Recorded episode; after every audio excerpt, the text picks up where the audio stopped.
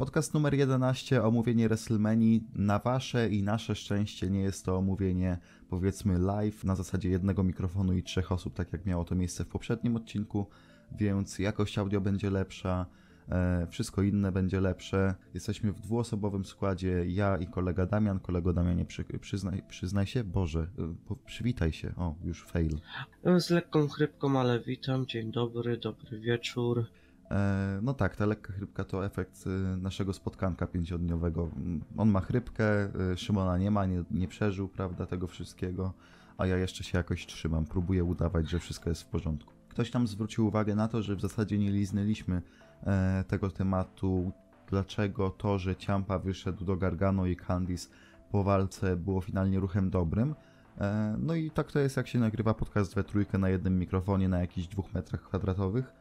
Więc, e, więc może zacznijmy od tego, a później sobie przejdziemy już proper do, do WrestleMania. Jak myślisz, dlaczego mamy takie, a nie inne zdanie? Posłuchajmy Ciebie. Najpierw ja powiem potem, czy, czy się zgadzam w 100%, czy może tak w 90%. Znaczy, jednym z powodów, dlaczego wyszedł, było to, że Ciampa był dużą częścią całej tej przygody John, Johniego Gargano. To od niego to wszystko się zaczęło. Y, Nawet gdy był kontuzjowany, i tak były. On się pojawiał, tak jak na przykład gdy Zelina Vega rzuciła koszulką DIY. Następnie no, ponadroczna rywalizacja. Gdy już do siebie wrócili, wydaje mi się, że nie tyle co przeszli heel turn, ale zrozumieli siebie nawzajem. Johnny Gargano zrozumiał powody, dla których Tommaso Ciampa postępuje w taki, a nie inny sposób, a Tommaso również w pewnym stopniu zrozumiał Johnnego, dlaczego postępował tak, jak postępował. Sprowadził go na tę swoją stronę, znaczy tak częściowo, lecz koniec końców Gargano zdobył swój cel, używając swoich własnych metod, a nie metod Ciampy i wydaje mi się, że tym uzyskał ostateczny szacunek u Ciampy, który jednak pogodził się z faktem, że Johnny Gargano zrealizuje swój cel używając swoich metod, a nie e, metod Ciampy. Ja może się odniosę do tego w ten sposób, że całość rozbija się o to, iż nieco popsuty został ten storyline, niesamowity storyline, jak już mówiliśmy nie raz i nie dwa, w momencie, w którym poszły kolapy. W momencie, w którym DIY, Rico i Alistair Black pojawili się na Raw i SmackDown. No i teraz biedny Triple H stanął sobie pewnie i pomyślał, no jak to, jakoś to trzeba załatwić. DIY wskoczyło do Dusty Rhodes Tag Team Classic, tam nie dotrwali do finału, nie przeszli i Ciampa chciał zaatakować Gargano, jednak to Gargano zaatakował Ciampę i wrócił do tej swojej postaci Johnny Wrestling, tak, do tej swojej uber face'owej postaci i teraz musimy pewną rzecz rozgraniczyć. Nie był to żaden moment łamiący kayfabe moim zdaniem w ogóle. I ja nie twierdzę, że to jest dobry moment, bo on łamie kayfabe i fajnie, że się przytulili, o jak super, tylko on idealnie też wpasowuje się cały czas w ten storyline, bo Ciampa pisał i na Twitterze i mówił, że Gargano stać na to, żeby być mistrzem NXT, dlatego tak jak mówisz, e, chciał, żeby używał tych jego taktyk, taktyk Ciampy, co Ciampę doprowadziło do mistrzostwa, więc mogłoby też doprowadzić Gargano. Finalnie jednak e, Johnny obronił się tym, co on miał e, i dlatego to wszystko, czyli to, że zniszczył tych, zniszczył w cudzysłowie, zniszczył tych czterech zawo- zawodników Undisputed Ery, tak, zniszczył całą stajnię. To, że wygrał gdzieś tam dwa razy kickoutując w no niesamowitych już momentach, terminatorząc wręcz. To, że właśnie ten Ciampa przyszedł i mu wręcz pogratulował już, to jest to wszystko, co się ładnie zamyka w klamrę tej historii, że Johnny Wrestling, Johnny Gargano jest na szczycie góry zwanej NXT. Zrobił to by himself i jeszcze w dodatku dostał ten respekt, tak, należyty. Szacunek od człowieka, który był jego przyjacielem, później nawzajem chcieli się zniszczyć i moim zdaniem to jest idealne zakończenie tego storyline'u, dlatego nie zgadzam się też do końca z tym, tak jak wy powiedzieliście w podcaście, że Ciampa miałby wrócić i jeszcze rywalizować z Gargano o ten tytuł. W każdym razie dlatego Wiesz uważam, co? dlatego uważam, że to był dobry ruch i wcale nie łamał kayfabe'u ani nic. Ja, a czy to jest moja opinia, ale wydaje mi się, że część ludzi błędnie e, spostrzega Ciampę, ponieważ według mnie w momencie, gdy powrócił, nie kierował się tym, że chciał zniszczyć Gargano. On po prostu chciał osiągnąć swój cel, czyli wybić się na Gargano i zdobyć główny tytuł NXT. Nie kierowała nim na nienawiść do swojego byłego team partnera. Nienawiścią kierował się w, tym w tym feudzie głównie Johnny Gargano. Ciampa, gdy już zdobył sw swój tytuł, gdy już użył Johnny'ego i się wybił na nim, chciał dla swojego byłego team partnera, którego mimo wszystko uważał wciąż za przyjaciela, chciał dla niego jak najlepiej i dlatego próbował go tak kierować ku swoim taktykom.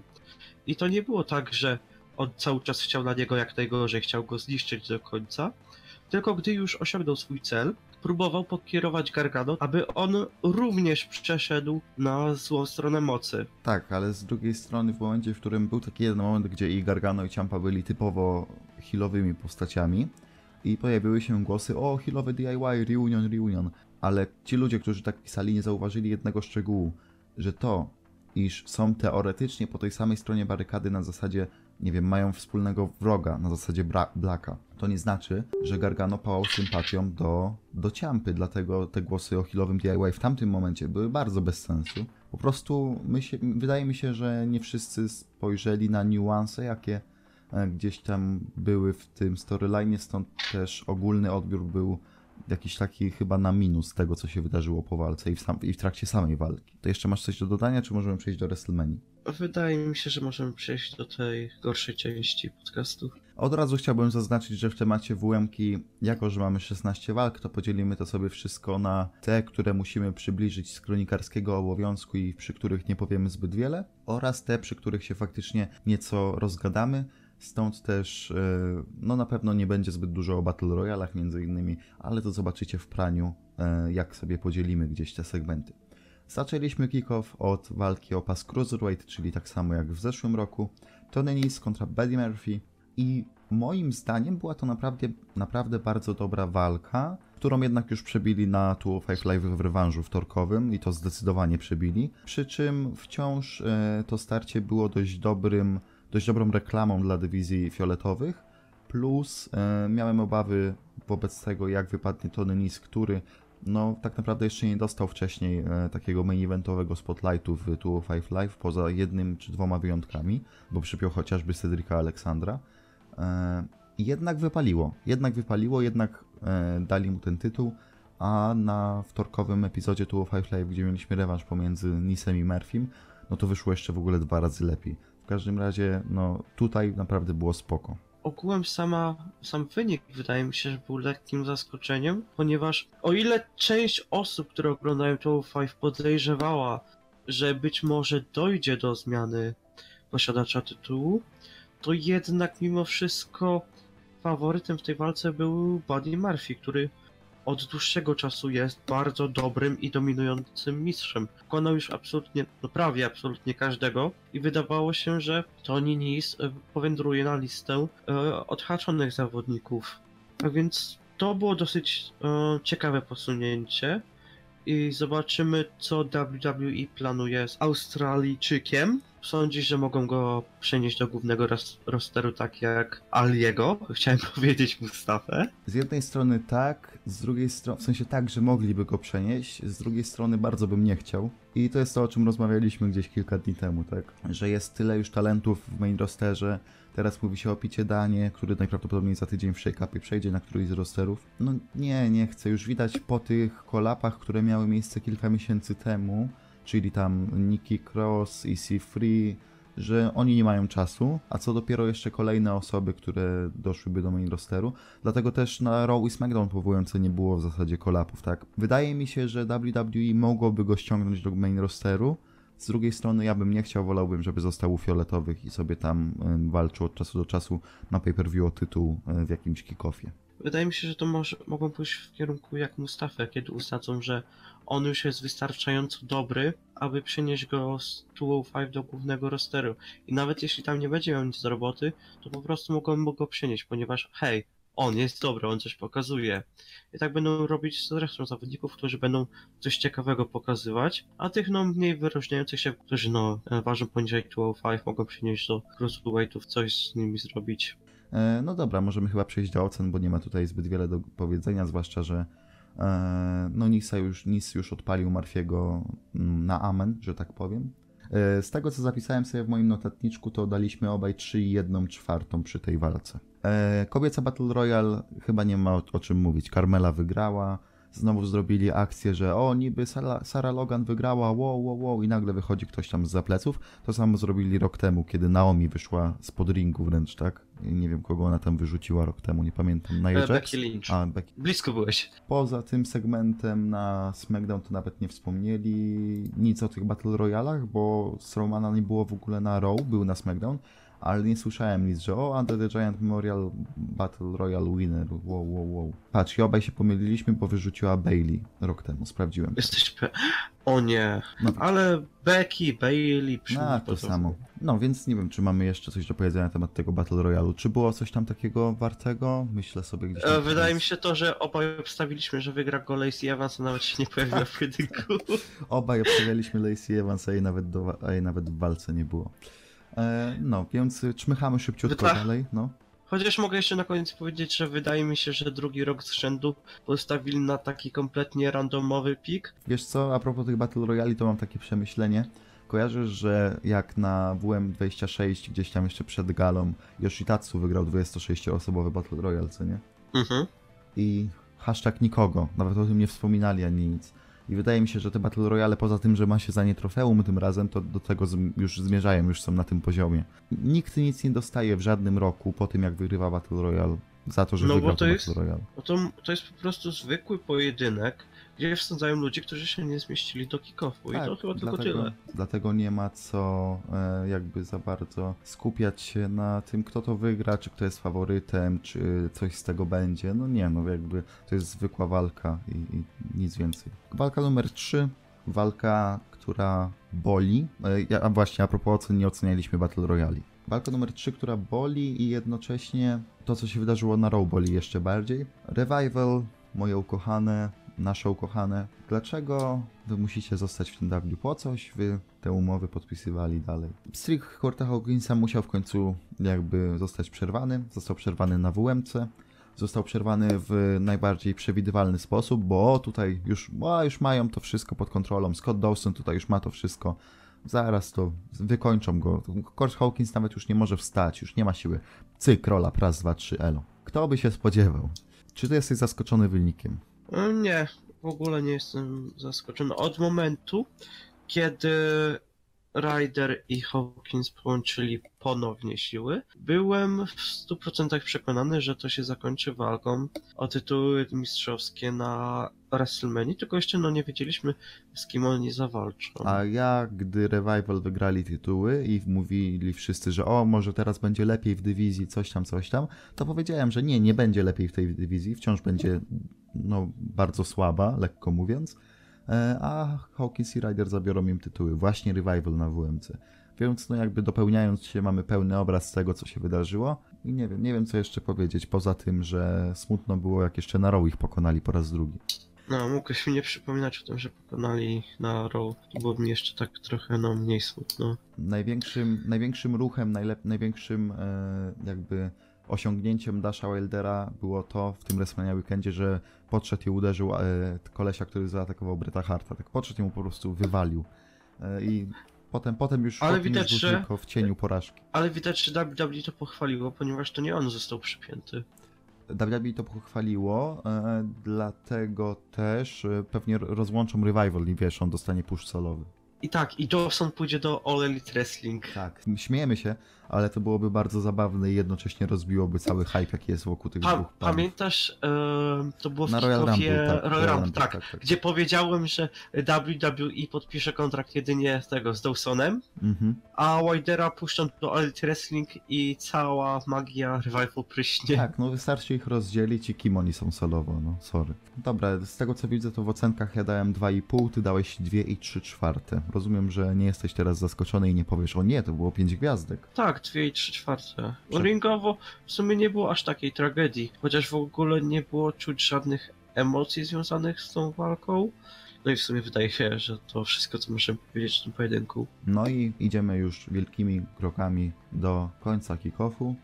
Męski Battle Royale i ja miałem trzy piki. Michael Che, Colin Jost albo Braun Strowman. Wygrał Braun Strowman, wyrzucając jako ostatnich właśnie tych dwóch wcześniej wspomnianych panów. Wracając do tematu tego, jak bardzo nieważne są Battle Royale, to drugi raz w historii tego Andre Giant Memorial Battle Royale pokazali, jaką szopkę mogą e, tam zrobić. WrestleMania 33 to wiadomo, WrestleMania 35 to też pamiętamy, nikt chyba nie zapomniał przez te kilka dni. No i co, no poza tym, że Strowman wygrał, czyli największy faworyt i Andrade zrobił taką ładną akcję, po której zastanawialiśmy się, czy to bocz, czy nie bocz.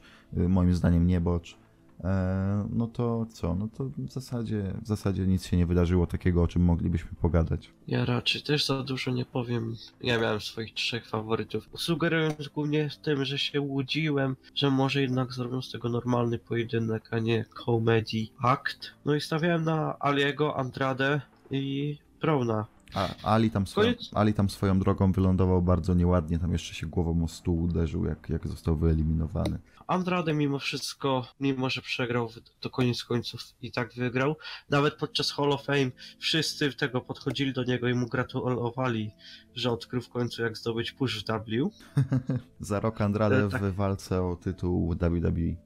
E, no wynik, jak mówiłeś, dosyć przewidywalny. Boli mnie to trochę. Znaczy w sumie sama obecność Andrade, Aliego i innych takich dosyć dobrych zawodników w tym pojedynku mnie bolała. Ponieważ no, już nawet mogli zrobić z tego wieloosobowy pojedynek e, o tytuł IC czy US. I głównie tyle.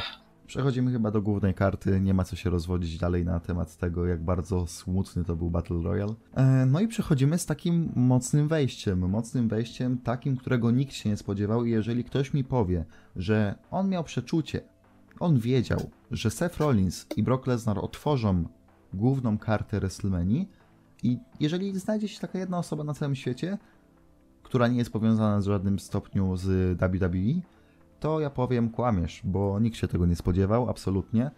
I to, co zrobili, było takie na krawędzi wręcz ostrza, bo mamy ten segment Alexy Bliss, no wiadomo, host WrestleMania otwiera, tak? Wychodzi ten Hulk Hogan, no spoko.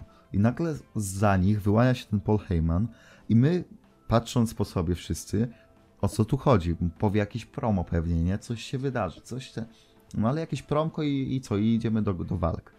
A tu nie, on mówi, jeżeli mojego klienta nie ma w main evencie, to nie ma go w ogóle, tak? Wychodzi Lesnar, wychodzi Rollins, mamy w ogóle brawl i zwracaliśmy uwagę przez te kilka minut tego brawlu, że nie było jeszcze gongu. Końcu jednak ten gong rozbrzmiał. Mieliśmy jeszcze w teorię, zanim ten gong rozbrzmiał, że hej, dobra, coś się wydarzy, jakiś tam crazy spot, ten Rollins w ogóle będzie zniszczony, oni przejdą gdzieś tam na późniejszą część gali, ale będzie już ten motyw, że Rollins jest poobijany. No nie, mamy gong, 2,5 minuty raptem i Seth Rollins w openerze WrestleMania zdobywa tytuł Universal. Wow. Damianie, co na ten temat sądzisz i czy ty jesteś zwolennikiem tego typu rozwiązania, czyli e, przesunięcia tej walki tak wcześnie? W normalnych warunkach raczej nie byłbym. Głównie z tego względu, że tutaj mówimy o najważniejszym tytule na Raw. No i raczej on nie powinien otwierać galę. Ale w momencie, gdy to ma być takim mm, czymś jako wow, czymś, co będzie określone jako jeden z większych szokerów gali. I coś, co nie było kompletnie takie no zapowiedziane i nie było żadnych plotek, że coś takiego może się wydarzyć, jestem w stanie to znieść i uważam, że podjęli bardzo dobrą decyzję, ponieważ to jest coś, co no, w wielki sposób otworzyło galę. Sprawiło, że no, ludzie byli tacy, no, mm, już nawet nie tyle co zaskoczeni, ale po prostu nie wiedzieli zbytnio, co się dzieje. I na dodatek wynik, który był bardzo trudny do przewidzenia, ponieważ e, obaj, wydaje mi się, że mieli porówne szanse, sprawiły, że dostaliśmy, musiałbym jeszcze sięgnąć no, w pamięć, ale wydaje mi się, że to było nawet takie możliwe, że jedno z najlepszych otwarć e, w historii WrestleMania. Już tutaj nie mówię o poziomie walki, tylko o takim, jakby to No określić. tylko w kontekście WrestleMania momentu, tak? Tak, tak, tak, tak. E, samo zwycięstwo Rollinsa również nie było dosyć pewne, jak już o tym wspominałem. Wydawało się wszystkim, że Lesnar przegra z Romkiem rok temu. No nie przegrał. Okazuje się, że jego ostatnią walką w WWE, bo nie mam wątpliwości, że Lesnar kończy współpracę z WWE, nie zostałby tak zaprezentowany, gdyby nie kończył jeszcze tej współpracy. Bardzo szybko odprawił go sobie Rollins. Kończy współpracę z WWE w kickoffie WM-ki. To jest pierwsza zabawna rzecz, e, może w kickoffie, w, openerze WM-ki. Pierwsza, pierwsza zabawna rzecz, a druga zabawna rzecz, tytuł Universal jest pierwszym, pierwszą walką otwierającą WrestleMania, gdzie Raw jest tym no, flagowym show według Vince'a zdecydowanie. Zawsze postawi Raw wyżej SmackDown, nieważne czy brand split, czy nie. No i to jest takie przewrócenie pewnej, pewnego rodzaju hierarchii w WWE. To jakby jest tym, dlaczego wszyscy byli tak zaskoczeni, bo myślę, że nawet to zwycięstwo Rollinsa, biorąc pod uwagę to, jak wszystko było bukowane już od momentu tego brawlu, to było już im dalej w las, tym bardziej do przewidzenia. Jednakże samotowi jako motoczkę zostało to obrane, no to już jest mocny szoker. E, Nie wiem, czy to było częścią podcastu, a czy to nasza dyskusja, ale ostatnio zastanawialiśmy się, w jaki sposób oni to rozwiążą, ponieważ hej, Roman Reigns niedawno powrócił. I teraz na, zastanawiam się, czy Roman Reigns od razu ruszy na Sefa Rollinsa. Nie, wydaje mi się, że jeżeli najszybciej, najszybciej mm, wtedy, kiedy mogą to zrobić, to jest SummerSlam. Tak ci się wydaje? Tak, zostawiam sobie tę walkę. Jeżeli będą mieli w planach Romka w, z Rollinsem, to najszybciej na SummerSlam. Nie wyobrażam sobie, żeby teraz dali Rollinsowi Romka już na Money in the Bank, czy tam na kolejnej gali. W ogóle biorąc pod uwagę to, co się wydarzyło na Raw, tak, to nie widać nawet, kogo oni mogą mieć tam w planach na ten title shot. No bo nic nie zrobili w kierunku tego, żeby nam nawet zatizować, kto by tutaj mógł być tym kolejnym pretendentem. Zresztą podobną rzecz w zasadzie zrobili na SmackDown, gdzie też nie mamy zielonego pojęcia, kto będzie walczył z Kofim. Ale wydaje mi się, że Superstar Shake-Up powinien nam bardzo dużo Tak, tak, powiedzieć tak, w tej tak, tak. kwestii. No, bo tutaj zrobili te dwie tygodniówki, jeszcze będziemy o tym mówić, ale te dwie tygodniówki Raw i SmackDown były i takim trochę teaserem Superstar Shake-Up, i takim trochę podsumowaniem WM-ki, ale w, ogóle nie zrobili żadnego kroku w kierunku Money in the Bank. I z jednej strony może to się okazać takie, hej, no to nie zdążycie podbudować tego wszystkiego, zwłaszcza, że za tydzień jest Superstar Shake-Up, więc kolejny tydzień do tyłu, tak? Ale panie i panowie, kolejna gala pay-per-view jest w połowie maja, czyli Money in the Bank, więc spokojnie, mają na to jeszcze 5 tygodniówek bodajże. E, no dobra, więc co? Przechodzimy już do następnej walki? No, wydaje mi się, że tak, chociaż jeszcze zostają nam ocenki. E, wiesz co, z tego co pamiętam, to daliśmy tutaj e, bez oceny. A no tak, tak, tak, tak, było Trzy, dud. trzy razy daliśmy dud. Dobra, e, przechodzimy do walki najlepszego wrestlera na świecie bezsprzecznie, który mierzył się z Randy Mortonem e, w singles meczu. E, no. E, lubisz to robić, prawda? Lubisz to. no tak, no mówiliśmy o tym, że Styles to najlepszy wrestler w sumie, tak jakby popatrzeć na jego dorobek we wszystkich federacjach. Mi się wydaje, że mówiliśmy o tym, że Rent jest najlepszy. No, a coś źle słyszałeś. Dobra. A nie, to ja mówiłem. Tak, to, tylko- to tylko ty. AJ Styles kontra Randy Orton w singles meczu mieli dwa świetne segmenty na Road to WrestleMania. Jeden to był ten, gdzie nawzajem mieli te, swoją, te swoje przetarczki. I drugi to był ten już też bardzo blisko WM-ki, w zasadzie chyba na ostatnim SmackDown Tak, przed WM. Kevin Owens Show. Tak, Kevin Owens Show.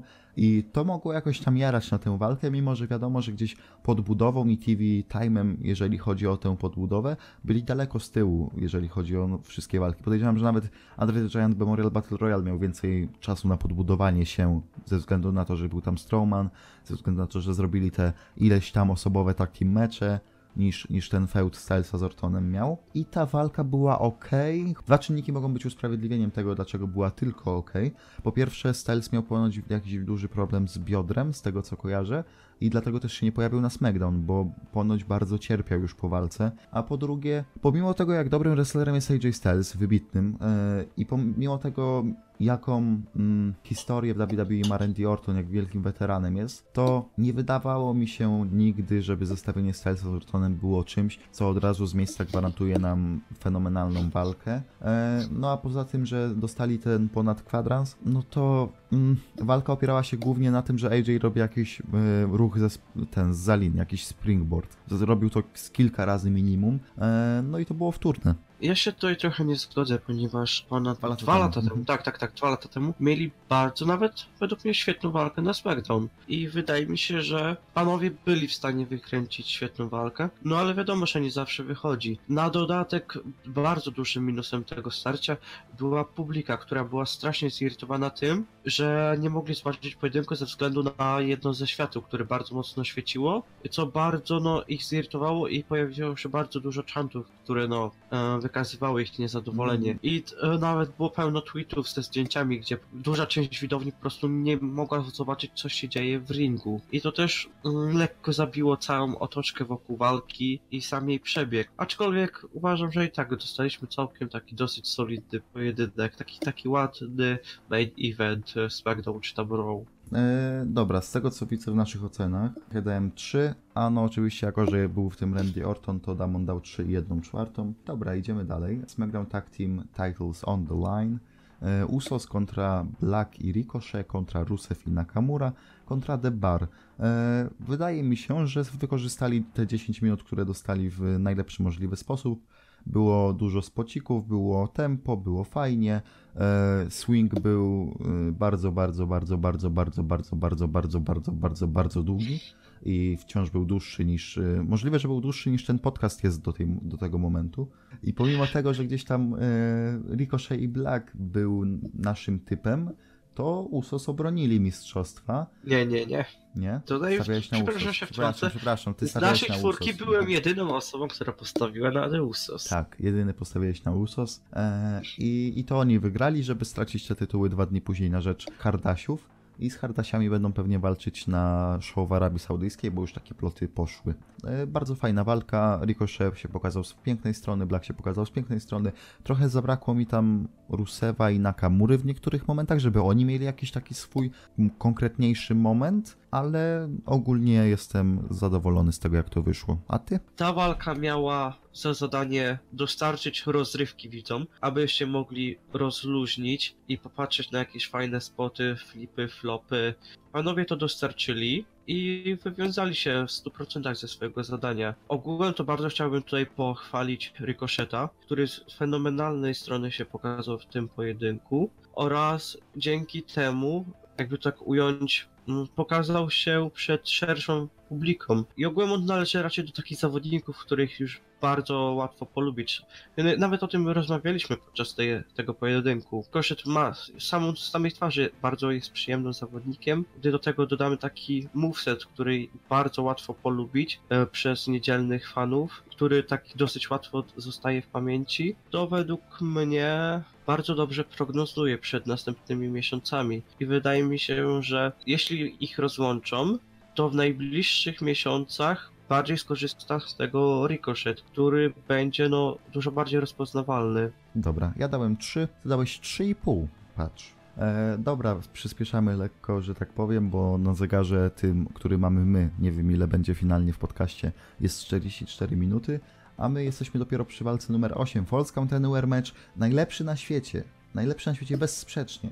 Shane McMahon kontra The Miz. No i wiemy, co jest najbardziej memiczną rzeczą, jaka wydarzyła się w tej walce czyli ojciec y, Demiza, który stanął do walki z Shane'em McMahonem. Jednakże o samej walce najpierw. Miz w tym meczu przegrał tym, że pokierował się za bardzo emocjami, zamiast taką swoją typową dla siebie chłodną głową, takim mm, wykalkulowanym wręcz atakiem za atakiem. I pokochałem końcówkę niesamowicie. W momencie, w którym to no, Miz wykonał atak, tak? Miz zniszczył Shane'a, ale to Shane gdzieś tam nie żyjąc wręcz już, położył rękę na Mizie i wygrał. To było to też, co przewidzieliśmy. Chełpił się później tym zwycięstwem niesamowicie na SmackDown i to tak bardzo pasowało do obecnej postaci Shane'a McMahona, którą uwielbiamy. E, że, że końcówka, to jak Miz się zachowywał w tej walce, e, to co się stało na SmackDown po walce, wszystko miało jak najbardziej bardzo dużo sensu, więc plusik dla tej walki ode mnie. Wiesz co, wydaje mi się, że rywalizacja Shane'a z Mizem była największym krokiem w rozwoju postaci Miza od kiedy zadebiutował w WWE. Od zawsze było mówione, że The Miz jest e, takim safe workerem, że on nigdy nie ryzykuje, nie wykonuje e, spotów z trzeciej liny, nie wykonuje tych akcji wysokiego ryzyka po to, aby mógł być bezpieczny, aby nie był kontuzjowany oraz mógł pracować codziennie, day in, day out oraz nie, mógł, nie musiał szybko kończyć kariery. I to było tym, czym się mi skierował przez całą karierę. Ono od kiedy praktycznie dołączył do WWE. I tutaj, w tym feudzie, Shane doprowadził Miza do takiego stanu, gdzie ten już nie wytrzymał, tak znienawidził McMahona, że całą tą jego historię, w WWE usunął na bok tylko po to, by dopaść swojego przeciwnika i to było w tym niesamowite. I to też częściowo y, można podkreślić przy walce ich tak teamowej na Fastlane, gdzie ojciec Demiza tak pokierował misem, dawaj synie, zrób to, skocz z tej zli- trzeciej liny. Chociaż Miz nie był tego pewien, ponieważ on takich rzeczy nie robi. I to właśnie to sprawiło, że oni przegrali. I tak samo się wydarzyło na WrestleMania, gdzie Miz znów postanowił zaryzykować, nie posłuchać się swojego rozumu, podczas gdy to robił to przez całą swoją karierę i zazwyczaj mu to pomagało i drugi raz z rzędu przegrał. Wydaje mi się, że chyba wtedy każdy z nas obstawiał Demiza, ponieważ e, to akurat ten feud wyglądał, że idzie w takim kierunku, że e, Miz się mści na Shane'ie i wygrywa, zwłaszcza biorąc pod uwagę, że Shane jest takim part-timerem, który występuje tylko e, by promować innych. Sama walka też dostarczyła nam to, czego od niej oczekiwaliśmy. To nie miał być jakiś e, techniczny majstersztyk, tylko brawl i ekstremalne starcie z różnymi niebezpiecznymi spotami i różną ilością sprzętów, jakieś candlesticki, krzesła, stoły. I tak było. Również walka przyniosła się do trybun, gdzie również tak po części zakończył się pojedynek.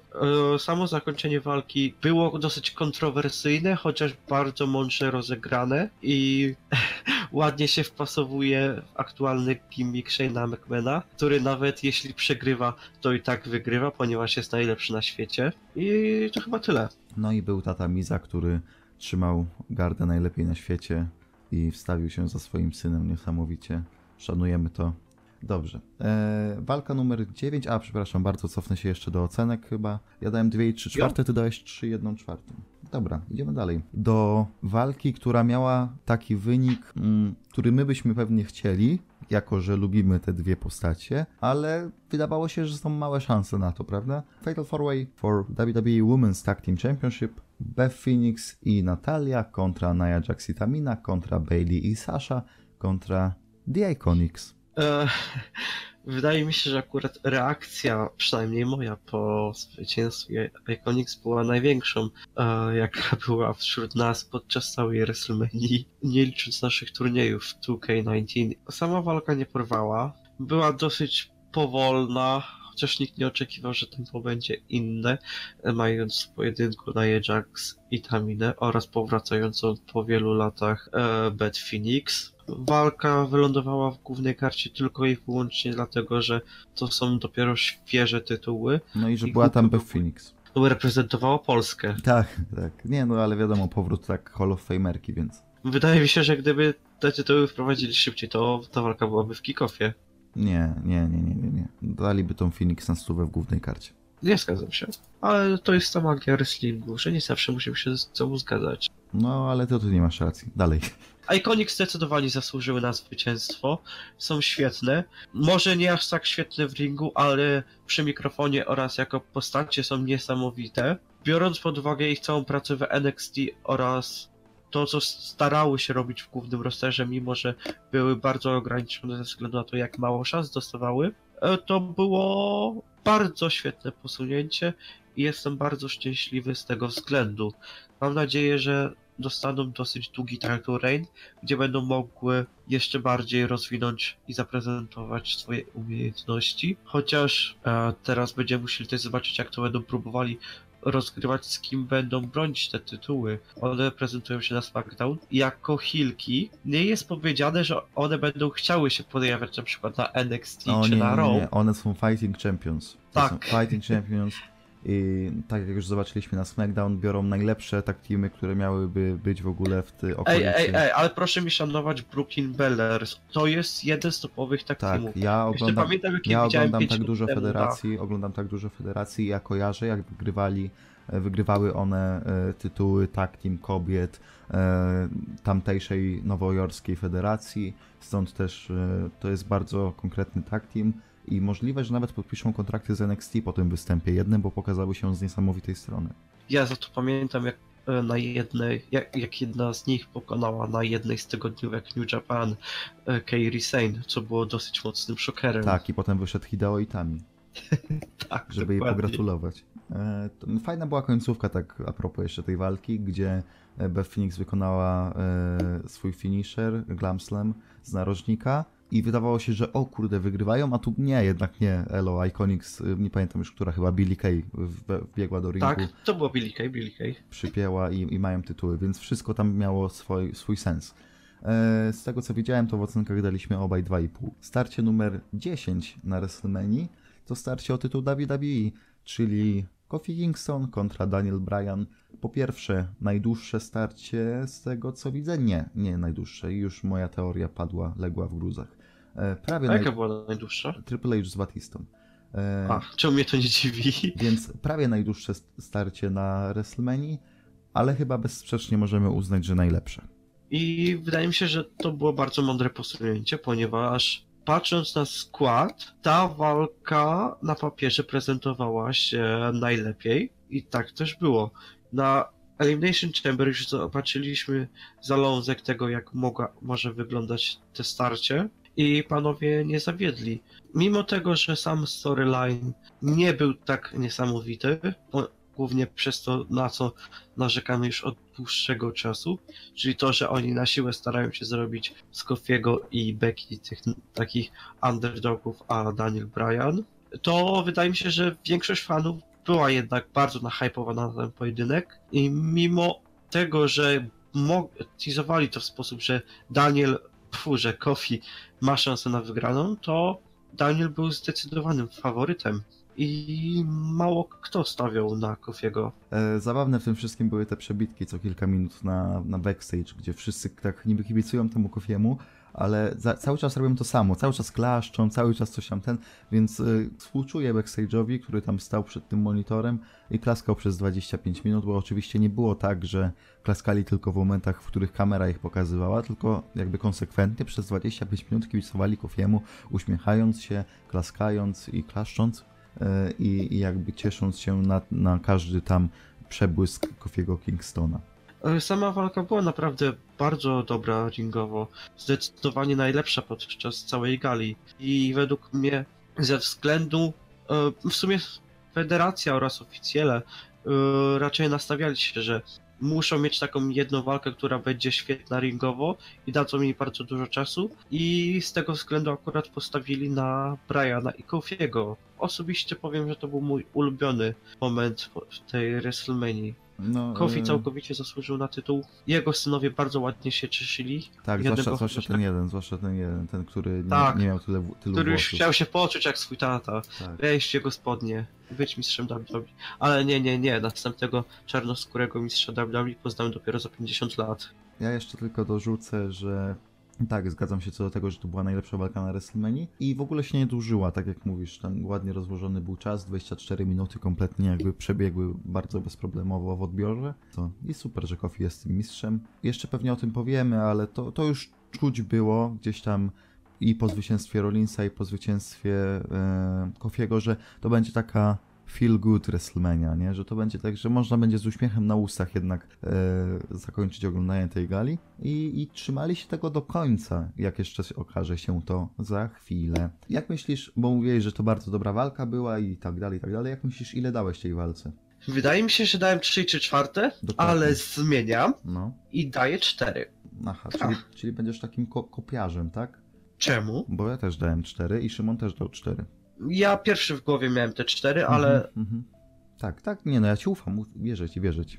Dobra, i teraz to będzie krótkie, jako że walka trwała minutę, to miejmy nadzieję, że my się wyrobimy szybciej niż minutę. Samoa Joe kontra Rey Mysterio, walka, walka o tytuł US. Samoa Joe obrania tytuł i jako pierw, najszybciej obrania swój tytuł w historii WrestleMania. O, dziękuję bardzo, o to mi chodziło. O, brawo, brawo, brawo. Jednym z głównych powodów, dlaczego ta walka była taka krótka, było to, że Rey Mysterio był kontuzjowany, chociaż są też głosy, że po prostu nie chcieli, aby ta WrestleMania się tak przedłużała, dlatego postanowili, no, że to będzie squash. A ja tylko powiem jedno, dlaczego nie było tutaj syna Reya Mysterio? Gdzie on był? Gdzie on był? Po co on mi był w tej podbudowie, skoro go tu nie dali? No, no po co? No gdzie? No, więc e, z pytaniem, gdzie był Dominik Mysterio, zostawiamy Was, drodzy słuchacze, i mówimy, że nie daliśmy ocen tutaj z wiadomych powodów. A to może to Dominik był pod maską i dlatego tak szybko przegrał. Aha. No, a to jest w tym jakiś sens. Idziemy dalej więc. Roman Reigns kontra Drew McIntyre, moim zdaniem ta walka była najbardziej do przewidzenia, jeżeli chodzi o wynik, bo już rozmawialiśmy o tym chyba przy Fastlane. Przy omówieniu Fastlane na stówę o tym gadaliśmy, że fajnie by było, gdyby Romek, Romek jakby przegrywał coraz częściej teraz, że niby byłaby budowana historia tego, iż nie jest w 100% po, po tej chorobie, ale no to WWE i jednak Roman wins always, lol. W tym momencie zakopują jakiekolwiek szanse na to, aby bardzo mądrze rozpisać Romana. Znów go będą wpychać na siłę, będzie wszystko wygrywał i to pokazuje, że W nie uczy się na błędach i będziemy mieli powtórkę z rozrywki. Już na WrestleMania w ogóle reakcja na Romka była taka... Eee, już nawet nie było 50-50. To większość fanów buczała po prostu na Romana. to było zaskoczenie moim zdaniem takie dość duże, że była taka, a nie inna reakcja na Romka. I to też jeden z powodów, dlaczego go nie było na Raw. Tak, tak, ponoć tak. No dostali 10 minut, a ono mi się tak strasznie dłużyło. Nie wiem, czy też tak miałeś. Tak strasznie Naprawdę dłużyło. tylko 10 minut to było? Tak, i tak strasznie mi się dłużyła ta walka. Nie mogłem się w ogóle w nią wkręcić, jeszcze z tyłu głowy mając, że ten Roman musi wygrać. No kompletnie jakby przeszła obok mnie, całkowicie. Może gdyby, gdyby jednak były jakieś szanse na wygrane Drua, to mielibyśmy inne odczucia, ponieważ sama walka też pewnie by toczyła się inaczej i byłoby no troszkę inne tempo, a tak to raz był górą Roman, raz krótką inicjatywę przyjmował Drew, no ale no, zakończyło się takich bez większych emocji, tak, tak sucho było. No, y, więc no jakby nie ma nawet o co zapytać w kontekście tej walki, no bo jakby nie ma żadnego wniosku po niej, moim zdaniem, tego aftermath, nie? No co, ja bym już przeszedł do ocen, bo ten podcast i, i tak będzie długi, więc nie ma co go na siłę jeszcze rozwlekać. E, 2,5 dałem, ty też dałeś 2,5, jeżeli zostajesz przy tym, to, to, to fajnie. Zostaję przy tym. No i super. Fajnie. I teraz e, po tych trochę no, nu- nudniejszych kilkunastu minutach WM-ki dostaliśmy te najlepsze kilkanaście minut WM-ki. I nie, nie mówię o walce Triple H kontra Batista, bo wcześniej mieliśmy jeszcze segment Eliasa. I ten segment to w sumie już był bardzo fajny do momentu wejścia tego, kto wszedł. Ten cały motyw z tym, że Elias grał na i tym fortepianie, tak, i na, i na perkusji, i potem była ta interakcja niby między, między tym wcześniej nagranym materiałem, a Eliasem w ringu. E, Eliasem tam nu, nucącym wręcz, tak, Seven Nations Army e, i do tego e, publika czantująca Walk with Elias. Bardzo fajne, bardzo fajne. Po prostu Elias no, miał w garści całą publikę i to się oglądało świetnie, aż w końcu, no kurde, nie spodziewaliśmy się Johna Ceny. Może dobra, Johna Ceny to może jeszcze, ale Johna Ceny w gimmiku, który został zakopany dawno, dawno temu, to już w ogóle się nie spodziewaliśmy. I jeszcze bardziej się nie spodziewaliśmy tego, co powie. Bo, no, tak jak powiedział to Szymon w trakcie oglądania e, tego całego segmentu, łechtał Sina to Internet Wrestling Community jak tylko mógł, po każdej części ciała, tylko żeby oni tak się uśmiechali, mówili jejku, ale on mówi prawdę, ale on jest super. Powiedział push i turn heel powiedział i ja cię. Ale no, segment był po prostu absolutnym killerem na tej WMC. Tak, to był też kolejny WrestleMania moment. W sumie, jeśli tak patrzeć na to z tej strony, dostajemy kolejną WrestleManię pod rząd, której jest od cholery WrestleMania moment.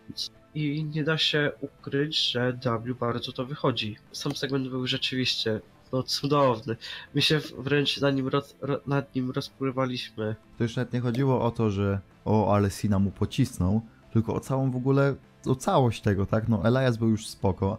Potem jest to wielkie zaskoczenie z Siną jako Doctor of Tagenomics. Ta interakcja między nimi to już było coś takiego wow, wow. Takiego i Sina drugi rok z rzędu przerywający Eliasowi, tylko teraz w całkowicie innej personie, w innym odbiorze, w innym kontekście. No, niesamowite, niesamowite.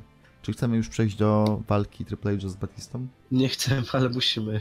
Triple H kontra Batista, no holds barred match. Eee, jeżeli Triple H przegra, to, Batista, to, to wtedy kończy karierę ringową. To była głupia stypulacja już od początku, bo Triple H tak walczy raz na rok, slash dwa razy do roku, więc to taka to wielka kariera, że oho. Eee, no niemniej jednak e, Batista nigdy nie przegrał z Hunterem i to była cała ta historia wokół tego.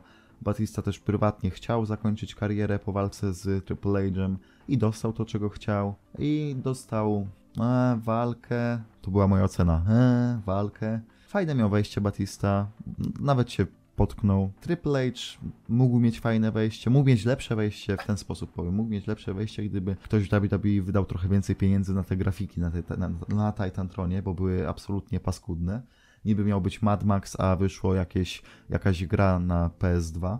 Ric Flair się pojawił, wow. Ric Flair się pojawił nie wiem, no straszny to był sleeper, straszny przynudzacz i, i poza kilkoma spotami, gdzie tam na stół Batista spadł komentatorski, gdzie było to niby fejkowe, fejkowe usuwanie mu e, tego piercingu z nosa i, i tam jeszcze kilka rzeczy, no to mm, nie ziębiło, nie grzało mi to starcie. To jest taki trochę case, masz te 6,5, 7,5 godziny gali, i, I, no musisz mieć coś, co całkowicie wyłączy cię z rytmu. No całkowicie. I to mnie właśnie wyłączyło z rytmu, wyłączyło mnie w ogóle z, z jakichś tam emocji, nie odczuwałem. I no powiem szczerze, teraz to była najgorsza walka na WrestleMania. Dziękuję bardzo. Ja w sumie niewiele powiem o tej walce, ponieważ nie dość, że ominąłem jej początek, jak i wejścia, które w sumie... W sumie to można powiedzieć, że ta walka była e, pojedynkiem, kto będzie miał lepsze wejście. I w sumie tak chyba już jest z walkami Triplaka od dłuższego czasu, że no, hej, walka Triple H, on musi mieć super wejście oraz jego przeciwnik. Ja tam głównie tę walkę zapamiętam z tego względu, no, że było te wyrywanie e, kolczyka, czy co to tam było z jego nosa. Chociaż no, są głosy, wydaje mi się, że to pewnie od Kayfabe News, że ta akcja była fejkowa. Czyli co, czyli ja się nabrałem, to naprawdę mu wyrwał to z nosa i ja cię. I jak on tak teraz będzie grał w tych Strażnikach Galaktyki, w tej Dune i w tych innych filmach? Przecież to jest twarz, Wiesz, to jest aktor. Jak on będzie grał? to, to jest Hollywood. On, oni tam w takie 5 minut robią A, sorry, sorry zapomniałem, zapomniałem, że Samuela L. Jacksona odmłodzili całkowicie do Kapitan Marvel, więc tam odnowienie mu nosa to już w ogóle drobiazg. Tak, dokładnie. E, Sam wynik w sumie raczej też do przewidzenia, ponieważ no Batista ze swoim grafikiem raczej nie wróciłby do W na dłuższy czas, a tym bardziej Tryplak też pewnie nie chce jeszcze kończyć kariery, więc raczej chyba tylko tyle można powiedzieć o tym pojedynku. Chyba wszystko. No ja dałem e, dwie i czwartą. Ty dałeś dwie i pół z tego co patrzyłem. W takim razie zniżam do 2 i 1 czwarta. Dobrze. Gwiazdkowo następna walka będzie gorsza w moim, y, jak w moim kajeciku, że tak powiem, ale ogólny odbiór miałem nie gorszy niż tego y, tryplaka z Batistą, więc, więc y, to trzeba wziąć poprawkę na to, jeżeli ktoś mnie będzie chciał rozliczać z suchych ocen, a wiemy, że takiej osoby nie będzie, więc niepotrzebnie się utłumaczę. Ostatnia walka Kurta Angle i to właśnie nasz olimpijczyk walczył z Baronem Corbinem. Dużo było przeczenia na to, że akurat to był bar- Baron Corbin, ale finalnie to chyba dobrze, nie? W sensie wolałbym Barona Corbina z Kurtem Angle i dostać taki segment Eliasa z Siną, niż, niż gdybym miał dostać Sinę z Anglem, e, miał do, miałbym dostać 6 minut tak jak tutaj i miałbym dostać wtedy segment Eliasa z Takerem, to co dostaliśmy na Raw. To ja już wolę tak jak zrobili. No i co by tu dalej powiedzieć fajnego? E, Corbin zyskał dużo na tym zwycięstwie z Kurtem i mógł, może teraz ten jego gimmick iść właśnie w tym kierunku, że on właśnie zakończył karierę Kurta Angle. Ale Wiesz co? co? No. To byłoby genialne, gdyby się za, zaczął pojawiać w tej takiej szacie, którą kiedyś nosił Kurt Angle. I z- zaczął nosić też jego medal. Tak, tak, tak. No. Tak, I, I też by tak ręce do góry podnosił na stage'u, nie? I tak by fajerwerki. A nie, czekajcie, nie mamy fajerwerek teraz na tygodniówkach. ale to by podnosił ręce tylko. E, no, więc. E, sporo. Więc to było dobrze. Dob, dobry ruch, tak? Że to właśnie Corbin wygrał z Anglem i, i że wygrał, bo gdyby Kurt wygrał, to już w ogóle nie miałoby żadnego sensu, bo nikt by na tym nie zyskał, a Corbin by tylko stracił. Ale idziemy fast forward do Raw 24 godziny później i Angle w sumie zakupuje to, co Corbin zyskał, tym, że jakby robią z tego jakiś, nie wiem, pseudo 50-50 booking, nie wiadomo po co. E, no dobra, ja dałem dwie gwiazdki, wydaliście z Szymonem Dudy, więc, więc te Dałem dud? tak, więc te dwa dudy były, a ja dałem dwie gwiazdki, bo A, to, uznałem, to ja że... daję też, to ja daję dwie gwiazdki. Ale ty kopiujesz dzisiaj, ach. 5 minut walki było o oba tytuły, EIC i US, jeżeli to połączymy. Jest to bardzo smutna statystyka, e, ale mimo wszystko świetnie wykorzystane były te 4 minuty w walce, w walce Balora z Lashleyem, bo była super. Taka pigułka po prostu fajnych rzeczy w tych 4 minutach. Ten spear Lashleya przez liny, taki w stylu Bigiego, był po prostu wow. No bo że Lashley coś takiego zrobi, to chyba nikt Tak, się coś czego się nie spodziewał. spodziewałeś. E, I pomimo tego, że wszyscy obstawiali Balora, to Lashley pokazał się tam z świetnej strony. Wydaje mi się, że to jest właśnie związane z tym, jak mało czasu dostali, ponieważ mieli te 4 minuty i mogli całkowicie pójść na, na całość. Czyli mogli od razu przejść do tych konkretniejszych movesów i wrzucić dużo wyższe tempo. No, wygrana była, Balora była dosyć oczywista, chociaż były momenty, gdzie Lashley no, sp- sprawiał wrażenie, że jednak może wszystkich zaskoczyć. E, tak, tak, tak. No nawet tam Spira wykonał, nie? W pewnym momencie, chociaż może to już Tak, tak, tak, moja, tak. Gdzie moja... tak zgięło Balora w pół. Bardzo, bardzo fajne to było, taki co-main event e, na zasadzie e, szybkiej akcji, nie, nie długi, no bo też czas ich naglił, ale, ale w porządku, mi się podobało. E, ja dałem 2 i 3 czwarte, nie wiem jak ty, a wiem jak ty, 2 i 3 Ja czwarte. również 2 3 czwarte. Tak, 2 i 3 czwarte dałeś też. E, Ronda Rousey, mistrzyni Raw kontra Charlotte Flair, mistrzyni SmackDown kontra Becky Lynch, mistrzyni jeszcze niczego. Winner takes all o oba tytuły. Pierwszy w historii main event WrestleMania dla kobiet i teraz pytanie brzmi, czy ostatni? E, Bo jest ta akcja z tym, czy ten finish był zboczowany, czy nie był. Wujek Dave mówi, że nie był. Ktoś tam inny mówi, że był. Kogo się tu słuchać? Gdzie tu wyrobić własną opinię? Nie wiem, nie mam pojęcia. Plotki już mówią tak, że w main evencie kolejnej WrestleMania Ronda Rousey miałaby się zmierzyć z Becky Lynch. E, Ile w tym prawdy nie wiemy, ale mamy takie przeczucie, że chyba mogłoby się to wydarzyć. Przynajmniej ja mam takie przeczucie, że mogliby w to pójść. Czy podobała Ci się walka, ale pod tym względem, że był to main event? Czy, czy Twoim zdaniem e, walka obroniła się jako main event WrestleMania? Powiem tak, walka nie obroniła się według mnie pod żadnym względem. Nawet jeśli to nie byłby main event, to według mnie walka bardzo mocno zawiodła. Pierwsze 6-7 minut dostaliśmy głównie widok rondy, obijającej e, solowo Becky albo Charlotte. I to tak było lekko na zmianę, by pokazać, jak dominująca jest ronda i jaką ona ma później przewagę. Następnie przeszliśmy do etapu, w którym Becky i Charlotte łączą siły, aby pokonać tę silniejszą, a następnie pomiędzy sobą rozstrzygnąć lo, losy rywalizacji. Potem to już zaczęło się wyrównywać. Yy, Najpierw przewagę miała Becky, potem Charlotte, potem Ronda. I jednak panie nie wskoczyły na ten wyższy bieg, mimo tego, że no, mieliśmy tam kilka bar ładnych akcji, yy, czy to ze, na przykład ze stołem, yy, czy poza ringiem, gdzie tak wydaje mi się, że Becky rzuciła Rondą. Tak, tak, tak. Ronda Nie tak wylądowała bardzo niefortunnie. i zakończenie tak przyszło całkowicie znikąd. To nie, nie, nawet nie, nie mogliśmy poczuć, że to już jest ten moment, kiedy walka może się zakończyć.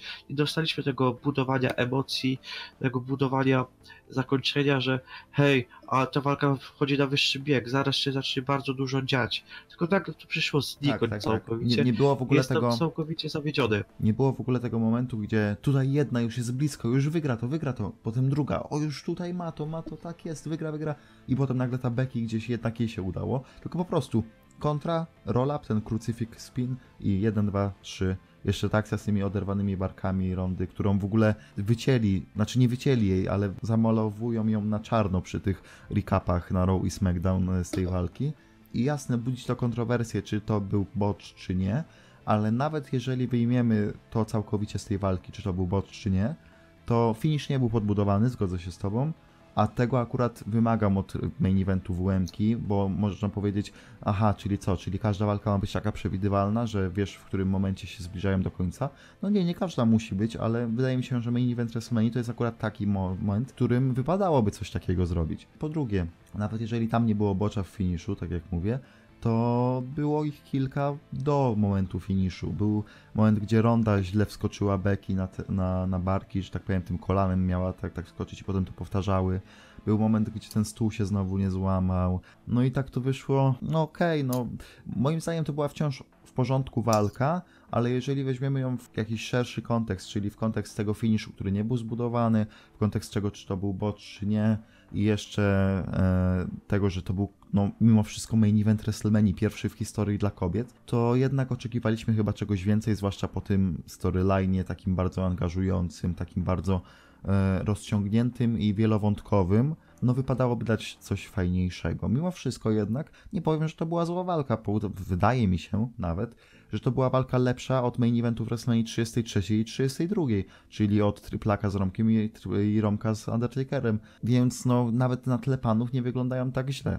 Ja w sumie nie wiem, czy się zgodzi, ponieważ w ten sposób ich nie porównałem, ale być może masz rację, ponieważ no jednak nie było aż tak źle. Może to będzie lekko kontrowersyjne, ale według mnie to pokazało, że jednak kobiety jeszcze gdzie są gotowe, aby main eventować WrestleMania. Nie, ja się, ja się w sumie nie zgodzę. Już nawet odbiegając o to, jak ta walka wyglądała, w momencie, gdy wychodziły panie, jakoś nie odczuwałem tego, że to jest taki wielki big deal pojedynek. Nie wiem, być może to wina trochę tych, tego, jak potoczono e, ich storyline. Próbowano zrobić z Becky super underdoga. Mm, No, publika też teoretycznie była nie jakoś bardzo wkręcona w to wszystko, ale z drugiej strony ja mogę powiedzieć, hej, yy, byli właśnie, większość z nich była po 7,5 godzinach gali prawie, tak? Po 7 godzinach. Ale wiesz co, właśnie wydaje mi się, że main event WrestleMania to jednak taka walka, która jednak wydobywa z ciebie ostatnie siły i powinna ci jakoś dawać jakieś,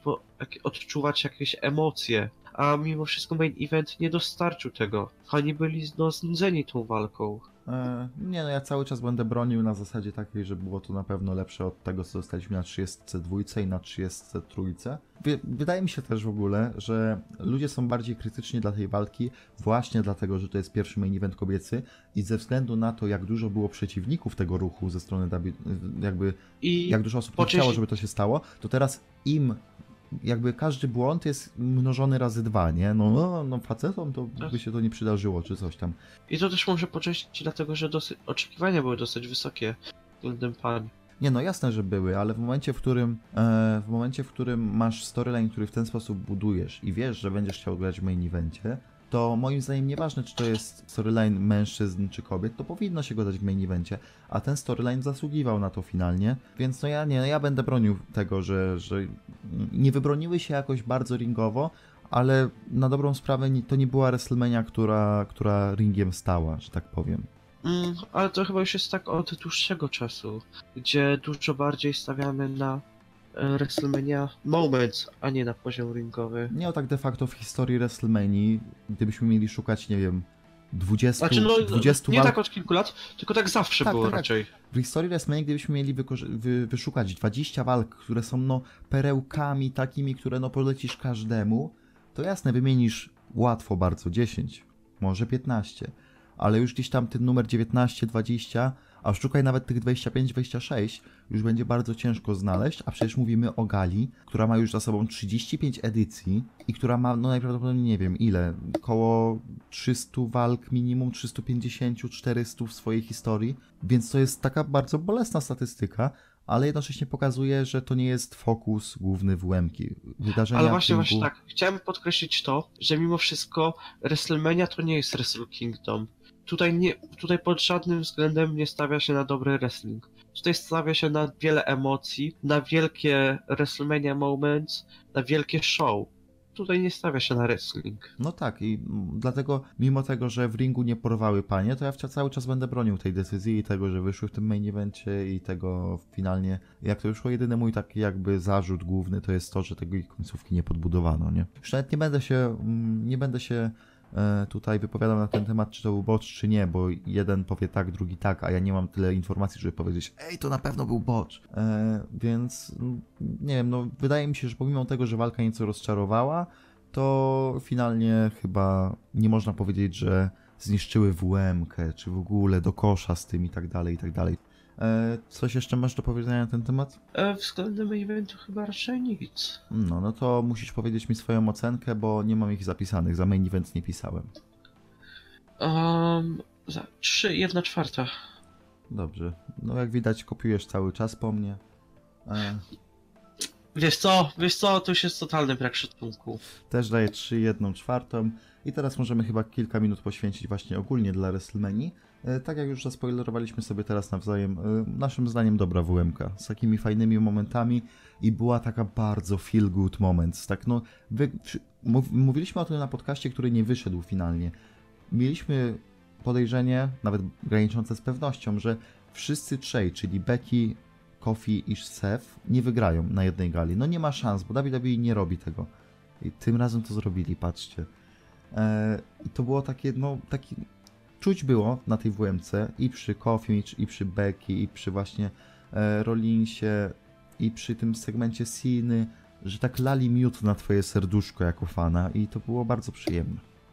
A wiesz co? To akurat jest powiązane z tym, co mówili e, w grudniu podczas tego segmentu z całą Tak, Marvel Family. tak, no. że oni będą dawać fanom to, czego chcą. I być może to jest takie podsumowanie tego, o czym oni mówili. Tak prowadzili do tego, prowadzili i na WrestleMania dali nam to wszystko praktycznie, to czego chcieliśmy. No bo jeżeli spojrzymy na kartę, to ci źli wygrywali raptem w... Mm, Shane wygrał, ale no proszę was. E, on nie jest Shane, zły, on jest najlepszy Iconics. na świecie. Tak, Iconics, Samoa Joe.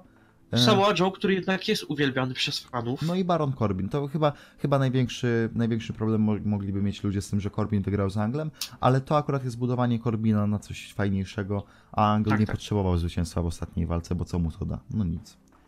E, więc no, no co, no była to taka WrestleMania właśnie takich momentów miłych, takich momentów, gdzie ludzie dostawali to, to, to czego chcieli.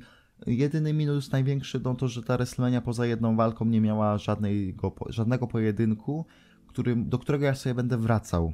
Będę wracał do momentów, będę wracał do segmentu Eliasa z będę wracał może do, do nie wiem, do tego, jak, jaka była reakcja na zwycięstwo Kofiego, będę wracał może do tego, jak otworzyli show, bo to był, no, wielki szoker, ale nie będę wracał stricte do walk. E, jednakże, jeżeli mam wybierać między jakość walk a momenty, to ja wolę momenty. I jeszcze na plus jest to, że nie było czegoś takiego, po czym bym powiedział, ojejku, co to było za, za gówno, lekko mówiąc. Yy, A miałem takie wrażenie rok temu chociażby przy tym wyborze takim partnera dla Strowmana. W porównaniu do WrestleMania zeszłorocznej, duży krok naprzód. Eee, no ale co? Eee, chyba, chyba jeżeli mielibyśmy gdzieś tam ocenić WrestleMania od 0 do 10, to ja bym celował w takie mocne 7+. Plus. A wie... I czemu mnie kopiujesz? Człowieku, czy ty masz rozum i godność? E, no, więc, więc już wiecie też ile Damon dałby w takiej skali. Też dałby 7. Nie, ty dasz 7,5, ja dam 7 z plusem. I wszystko jest w porządku. Nie, ja chcę 7+. Plus. To ja dam 7,5, będę dobrym prowadzącym, bo pójdę na ugodę. No i co mnie kupujesz? Ja pierwszy miałem przecież 7 plus. Sam powiedziałeś, że daj 7 plus. Dobrze. E, tym humorystycz, humorystycznym akcentem możemy dryfować naszym kajakiem do brzegu. Co, następny podcast, jeżeli będziesz już wykurowany w 100%, wydaje mi się, że możemy zrobić gdzieś tam po Superstar Shake Up, jeżeli coś się takiego odwali, wow, i że trzeba będzie to obuwić. No, i jeżeli masz coś do dodania, to proszę bardzo. Tak więc, panie i panowie, moja ostatnia wiadomość to pijcie Energol, zapraszajcie wszystkich znajomych, zapraszajcie, dawajcie linki do podcasta i odpalamy to. Włączajcie wszyscy podcast. Będzie Tak. nas ponad tysiąc. Tak, następny podcast będzie miał 1000 wyświetleń. Tą piękną puentą możemy zakończyć ten odcinek numer 11. E, Pamiętajcie, w 12 celujemy w 1000 wyświetleń, E, a do tego czasu żegna Was Showoff, zwany Piotrem Małeckim oraz Za monokami z panem Damian Puto. dziękujemy Wam bardzo, jeżeli przesłuchaliście cały podcast, to bardzo fajnie. E, No i do usłyszenia wkrótce.